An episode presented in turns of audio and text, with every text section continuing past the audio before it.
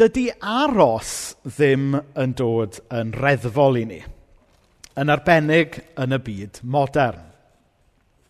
O'n i'n gwrando ar podcast wythnos diwetha, ac oedd y podcast yn sôn am sut mae, um, mae lot o gwmnïau wedi stryglo yn ystod y pandemig, ond un cwmni sydd ddim wedi stryglo o gwbl yw Amazon. Um, Ac oedd y dyn oedd yn siarad ar y podcast, enw fe yw John Harris, a mae fe'n golofnydd gyda'r Guardian. Ac oedd e'n feirniadol iawn o Amazon. Oedd e'n feirniadol am y ffordd oedden nhw yn wneud lot o creative accounting er mwyn osgoi talu treth. Oedd e'n feirniadol am y ffordd oedden nhw'n camdrin gweithwyr um, ac yn feirniadol am y ffordd oedden nhw'n mynd a busnes oddi wrth um, gwmnïau llai. Ond er y ferniadaeth oedd John Harris yn rhoi o Amazon, oedd e'n dweud fod y genie allan o'r botel. A bellach bod pobl jyst yn disgwyl gallu prynu'r pethau mwyaf obsgiwa nawr a cael e wedi dilifro y diwrnod wedyn. A wedyn bore yma digwydd bod, o'n i'n um, darllen erthygl arall um, gan George Monbiot, sy hefyd yn sgwennu'r Guardian. Dwi'n dwi bach o clisiau nawr, dwi. i. Ond, um, ac yn yr erthigol yma, oedd e'n neud hwyl am ben y pethau allwch chi brynu ar next day delivery, delivery ar Amazon. An electric drum machine t-shirt, ddim actually electric drum machine, an electric drum machine t-shirt, Um, y Darth Vader talking piggy bank, an ear-shaped iPhone case, an individual beer can chiller, an electronic wine breather, a sonic screwdriver remote control, bacon toothpaste, a dancing dog, a wedyn mae'n mynd ymlaen dweud, no one is expected to actually use them or even look at them after Christmas Day. They are designed to elicit thanks, perhaps a snigger or two, and then be thrown away. A mae, Yy dan ni'n chwerthin, ond um, ond mae yna rhyw, rhyw bwynt 'di dod le mae, da ni'n byw mewn cymdeithas sy'n disgwyl popeth yn sydyn, a da ni'n byw mewn cymdeithas sydd ddim rili'n really gweld gwerth ac effaith yn penderfyniadau ni ar bethau. Ond beth bynnag, oedd un o'r pwyntiau oedd John Harris yn neud, oedd, oherwydd fod y geni allan o'r botel, am flynyddoedd buodd e yn pwysau'r bobl i boi cotio cwmnïau fel Amazon... Ond nawr mae e, beth bynnag yn ei benderfyniad e, mae e'n meddwl, gan bod y geni allan o'r bottom, mae be, be sy'n angen nawr actually ydy deddfe um, fwy cadarn sy'n gorfodi cwmnïau i weithredu mewn ffordd fwy ethical. Ond y pwynt i ti'n yn neud ydy, yn bod ni gyd, a fi yn arbennig, dwi'n pregethu fi fy hun fan hyn, bron bod cael pethau yn syth bron wedi dod fel dew. Mae'n sicr yn, yn eilyn genna i. Dyn ni fel cymdeithas ddim yn gwybod beth ydy disgwyl a be ydy aros bellach. Nawr, y nes at adre yn tŷ ni, mae yna issues um, heblaw am treth corfforaethol ac amodau gwaith. Problem tini ni ydy rhywbeth mae Robin wedi cyffwrdd arno yn barod, sef trio dysgu'r ddisgyblaeth o aros i blentyn pedair mlwydd oed. Nawr, a hithau, dim ond yn chweched o'r agfer, dyma be mae Advent Calendar Cadog yn edrych fel. Ai y Cadog. Na i ddod o fe nôl amser cynio. um, nawr mae hwn yn testament yn dydy o broblem yn cymdeithas ni heddiw. Sef dydy pobl ddim yn dysgu um, ac yn gallu aros. Da ni'n byw mewn cymdeithas le mae pobl eisiau pethau yn syth. Ond be mae Eseia wedi dangos i ni gobeithio dros yr wythnosau diwetha, i fod disgwyl ac aros, weithiau y disgwyl aros mewn poen, weithiau mewn dagrau, ond mae actually'n rhan bwysig o daith ffydd. A'r neges dwi wedi bod yn trio cael ni weld dros yr wythnosau diwetha yw bod gobeith, be da ni'n gobeithio ynddo fe ac amdano yn newid yn persbectif ni yn yr aros ac yn y disgwyl. Falle bod e falle bod gobeithio am rhywbeth ddim yn newid yn, yn, yn immediate circumstances, a wnaethon ni edrych wythnos diwetha ynglyn â sut mae pobl ffydd fel pobl, fel unrhyw un arall yn goffi wynebu dioddefaint weithiau. Ond mae beth da ni'n gobeithio amdano yn newid sut ydan ni'n gwneud yn aros. A sut ydan ni yn dysgu'r ddisgyblaeth yma o ddisgwyl a bod hwnna yn rhan o brofiad ffydd. Nes i rannu'r dyfyniad yma wythnos diwetha gan Richard Rohr. Faith isn't for overcoming obstacles, it's for experiencing them all the way through. A dyna yw un o'r pethau mae Ezeia yn dysgu. Mae'r hyn ni'n disgwyl ymlaen amdano yn Iesu, mae'r hyn ni'n gobeithio amdano yn Iesu, yn newid yn prospectif ni rwan, yn yr aros, yn y disgwyl. Yn arbennig falle, os ydy'r disgwyl yna yn boenus. Nawr mae Eseia mewn sawl lle yn rhybuddio pobl i fod yn ofalus be maen nhw'n gobeithio amdano. Achos mi fydda'r Meseia pan fydda fe'n dod yn wahanol i be fydden nhw wedi ddychmygu. Rhan o broblem Israel yn amser Ezeia oedd bod nhw eisiau bod fel y cenhedloedd eraill. Oedden nhw eisiau diwiau fel y cenhedloedd eraill, oedden nhw eisiau arweinwyr gwleidyddol fel y cenhedloedd eraill. Ond rhan o daith o aros yw ymddiried bod Dyw gyda cynllun gwell na'r hyn da ni falle yn meddwl sa'n ni'n licio i ddigwydd. Mae gan ddiw gynllun gwell i adfer cyfiawnder, i ddelio efo pechod a gwneud popeth yn newydd. A rhan o'r cynllun yna yw fod yn wahanol i be da ni yn ei ddysgwyl.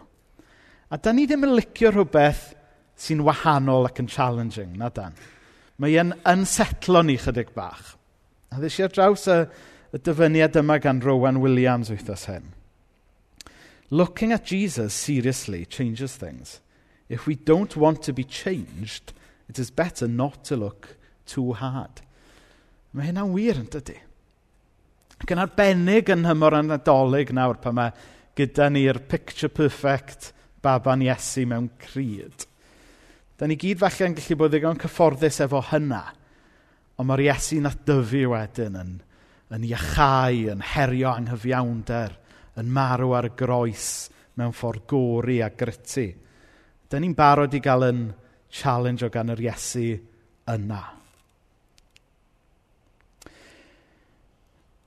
Nawr mae Ezeia, dyw e ddim yn proffwydo am frenin, o leia brenin yn yr ystyr bydol, na chwaith arweinydd milwro. Ond yn hytrach, mae e'n sôn am was sy'n dod. Ezeia 42 adnod 1. Dyma fy ngwas, yr un dwi'n ei gynnal. Yr un dwi wedi ddewis ac sydd wrth fy modd i. Rhof fy ysbryd iddo. A bydd yn dysgu cyfiawnder i'r cenhedloedd. Oedd pobl yn amser Ezeia wedi disgwyl arweinydd bydden dod i ddinistrio gylynion. Ond beth oedd yn rhan o cynllun Dyw oedd un bydden dod i farw dros i elynion. 'y ni'n gweld ymlaen yn Ezeia 53. Do, cafodd ei anafu am ein bod ni wedi gwrthryfela. Cafodd ei sathru am ein bod ni ar fai. Cafodd ei gosbi i wneud pethau'n iawn i ni, ac am iddo fe gael ei giro, cawson ni ein iachau. Nawr, yn amser Ezeia yn debyg iawn i'n amser ni. Fysa pobl ddim wedi gweld hwn fel unrhyw arweinydd da. Fysa rhywun wedi gweld hwn fel bach o loser. Fysa rhywun yn meddwl mai, tybod, rhywun fysa ddim yn gallu dal hi'n wyneb y byd oedd hwn. Ond yn fan hyn, hyd yn oed yn aberth Iesu, da ni'n gweld be mae teirnas ddew amdano. Mae teirnas ddew yn denas ben i weired. Mae gwerthoedd hollol wahanol i werthoedd y byd. Dyw e ddim ynglyn â trechu gelynion. Mae e ynglyn â caru gelynion. Dyw e ddim ynglyn â rwtio halen yn y bryw. Mae e ynglyn â rwtio cywilydd allan. Mae Iesu'n edrych ar bopeth mor wahanol i ni. Nawr, nes i addo i fi fy hun wrthos yn ôl, a ni ddim yn defnyddio'r vaccination fel sermon illustration, ond Dyma, it's too good to be missed. Iesu oedd y vaccination tragwyddol. Yr un oedd pobl dew wedi bod yn disgwyl amdano cyhyd.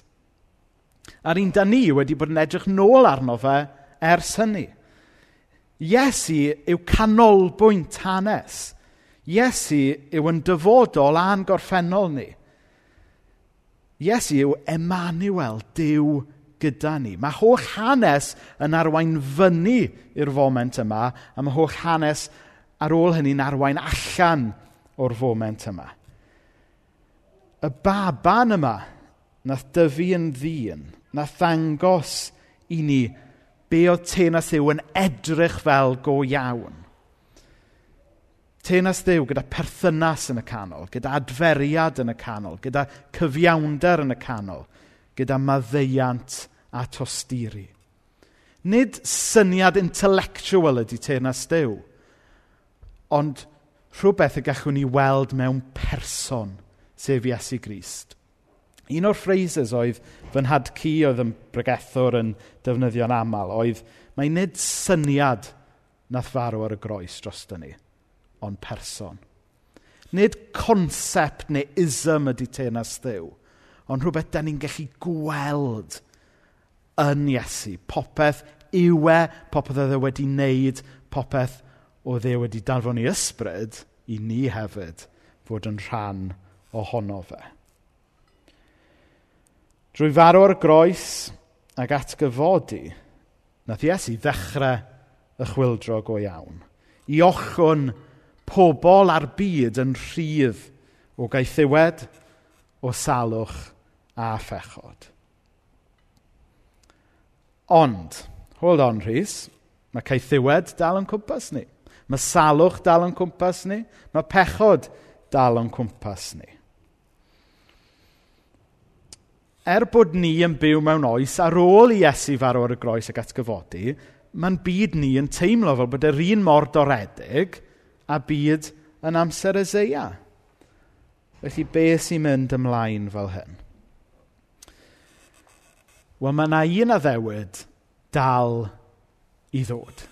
Sef bod Iesu'n mynd i ddod yn ôl i sefydlu deiar newydd a nefoedd newydd. Mae yna lyfr gan um, N.T. Wright sydd yn trafod y groes. Ac enw'r llyfr yna yw The Day the Revolution Began. Nid finished, began. Hynny yw, drwy farw'r groes, nath, nath Iesu dorri trwyddo i deyrnas. A da ni'n byw mewn rhyw gyfnod nawr le mae'r deyrnas yn dod ond heb ddod yn llawn eto. Da ni'n byw mewn rhyw fath o gyfnod nawr le da ni yn gallu cael rhagflas o deyrnas dew. A da ni'n gweld hwnna yn bennaf y mywyd Iesu hun. Da ni'n gweld o yn yn bywydau ni pan mae'r Ysbryd Glân yn gweithio A fe ddylen ni weld e'n waith yr eglwys pan da ni'n dilyn y wyllus Dyw yn hytrach na'n syniadau ni. A mae'r addewid yma i weld yn Ezeia 65. Achos dwi'n mynd i greu nefoedd newydd a deiar newydd. Bydd pethau'r gorffennol wedi anghofio fydden nhw ddim yn croesi'r meddwl. Ie, dathlwch a mwynhau am byth yr hyn dwi'n mynd i'w greu. A mae'r adnodau yma gan Eseia'n adleisio adnodau hefyd sydd yn datguddiad. Nawr, ni'n edrych ymlaen i'r Nadolig ydyn, da ni'n edrych ymlaen wedyn i'r Pasg, ond da ni'n edrych ymlaen hefyd i'r dydd pan fydd y nefoedd newydd a'r, a'r ddeiar newydd yn cael ei sefydlu yn derfynol. Ond fel o'n i'n dweud, i ni'n gallu cael rhagflas ohono fo heddiw drwy ffydd yn Iesu. Unwaith eto, mae ychydig bach fel y vaccine. Mae'r vaccine wedi dod. Yn ôl Sky News, oedd o ar yr iwr y tunnel echddoe. Da ni'n clywed bod e'n dod, ond eto, di o ddim cweit yma eto, na di. O leia, di o ddim yn, uh, di, di o'n di cyrraedd uh, Cynarfon eto. Mae o yna, mae o fewn yn cyrraedd ni, Ond eto, da ni dal i ddisgwyl am y full roll-out. A mae tenas Dyw rhywbeth fel yna. Mae o'n real, mae'r gwirionedd, mae'r fuddugoliaeth wedi ennill. Ond eto, mewn ffydd, da ni dal i ddisgwyl yn ffyddlon iddo fo gael ei rolio allan. A mae gwybod am y gobau sydd i ddod yn newid yn persbectif ni yn y presennol, yn dydy. Mae o'n rhoi gobaith byw i ni. A dyna'r gwahaniaeth rhwng bod jyst yn optimistig a cael gobaith. Mae yna wahaniaeth yn does rhwng bod yn optimistig a cael gobaith. Um, mae gobaith yn seiliedig ar reality. Felly mae bod yn optimistig just yn rhyw fath o, oh, just hope for the best, math o beth. Wel, nid dyna beth ydy ffydd. Mae ffydd yn obaith sy'n seiliedig ar rhywbeth tangible sydd wedi digwydd a sydd dal i ddigwydd yn Iesu Grist. Ond yn yr wythnosau yma yn arwen mewn i'r Nadolig, yn arbennig falle yn yn amser ni yng nghanol pandemig, mae adnodau Pôl yn rhyfeiniad yn real iawn ynglyn â sut beth yw e i, i ryddfan am yr, yr addewyd sydd i ddod. Da ni'n gwybod fod y greadigaeth gyf- gyfan yn gryddfan fel gwraig sydd mewn poen wrth enni plentyn. Ac nid dim ond y greadigaeth sy'n gryddfan, ond ni hefyd sy'n grisnogion ac wedi derbyn yr ysbryd glân fel rhagflas o beth sydd i ddod. Dyn ni hefyd yn gryddfan o'n mewn wrth ddisgwyl i'r diwrnod ddod pan fydd Dyw yn ein mabwysiadu ni ac y bydd ein corff yn cael ei ochwn yn rhydd. Am ein bod wedi'n hachub Gallwn edrych ymlaen at, yr, at hyn yn hyderus. Does neb yn edrych ymlaen at rhywbeth sydd ganddo'n barod, ond wrth edrych ymlaen at beth sydd ddim yma eto, rhai disgwyl yn amyneddgar amdano. A dwi'n meddwl bod yr adnodau yna gan um, Paul i'r Rhyfeiniad yn really captro lle, lle da ni arni ar hyn o bryd. Mae'n gobaith ni yn Iesu yn real rwan – Ond eto, da ni yn gorfod digyn deep weithiau, yn dydan? Yn arbennig falle yn y moment yma mewn hanes.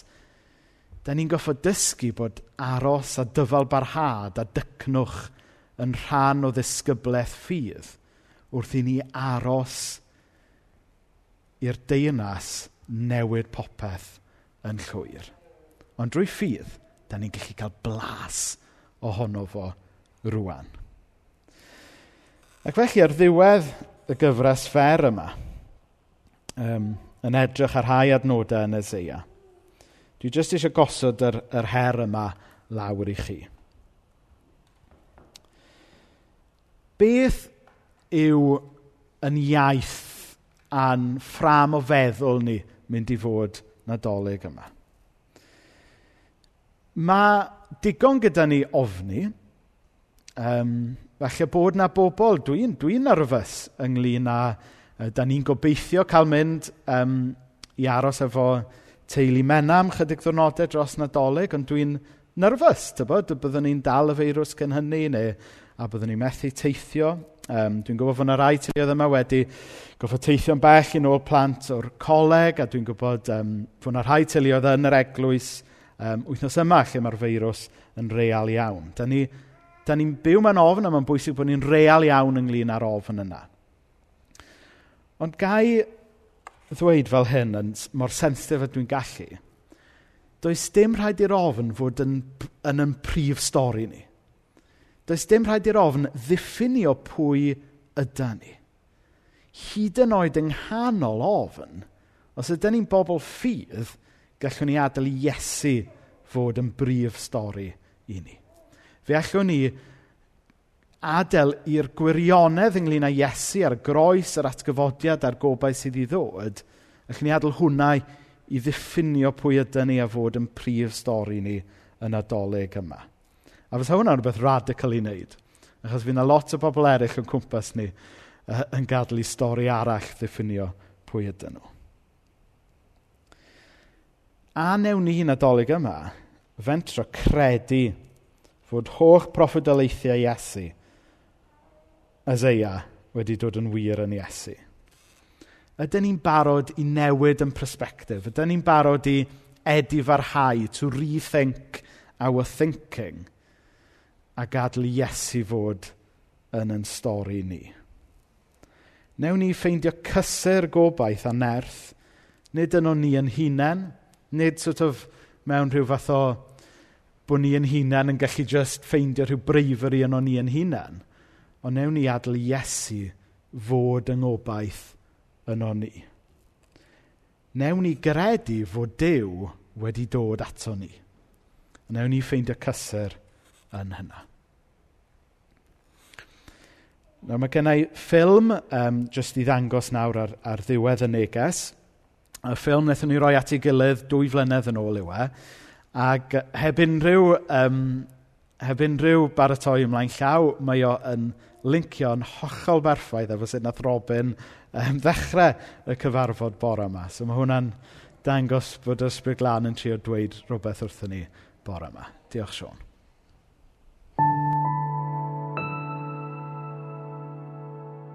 Mi glywais i sôn dro ar ôl tro am hen, hen addewid wedi serio neu'n co. Bod na newid yn dŵad i fod o ar ddod. Amnad fel hyn y mae pethau i fod. A disgwyl am newid y gwnaethom cyhyd.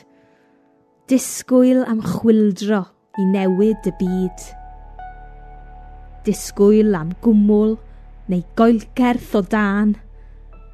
Disgwyl ar weinydd i roi i ni gan. Disgwyl am ryddid o'r clymau cae thiwis. Disgwyl am gael bod yn fuddigol ieithus. Disgwyl am foddion i wella'n hafiechyd. Disgwyl am ffisig i gongro ein clefyd. Hireithi am weled diwedd pob galar a phlygu a thoddi arfau rhyfelgar. Disgwyl am wawr i dorri drwy'r ddrycyn, am ddiwrnod pan welwn sychu pob deigryn. Fe ballodd y mynedd i glywed gan ddew, am na ddaeth yn ôl i'r deml i ddew. Y syched am gyfiawnder yn tyfu a thyfu, rhai'n troi at drais, ac eraill yn gwadu. Ond disgwyl o'i finnau, am croth yn dal baban, sy'n dod mewn i fyd y creodd ei hunan. Ei eni i'n caru heb unrhyw amod, er mai dod mae un plith i gael ei wrthod. Llawen ha, mae'n dod i adennill cyfiawnder, a gobaith i fyd, fi'n hir mewn cyfyngder. Paid edrych ffordd arall. Mae'r disgwyl ar ben. Mae o yma rwan i rwygo llen.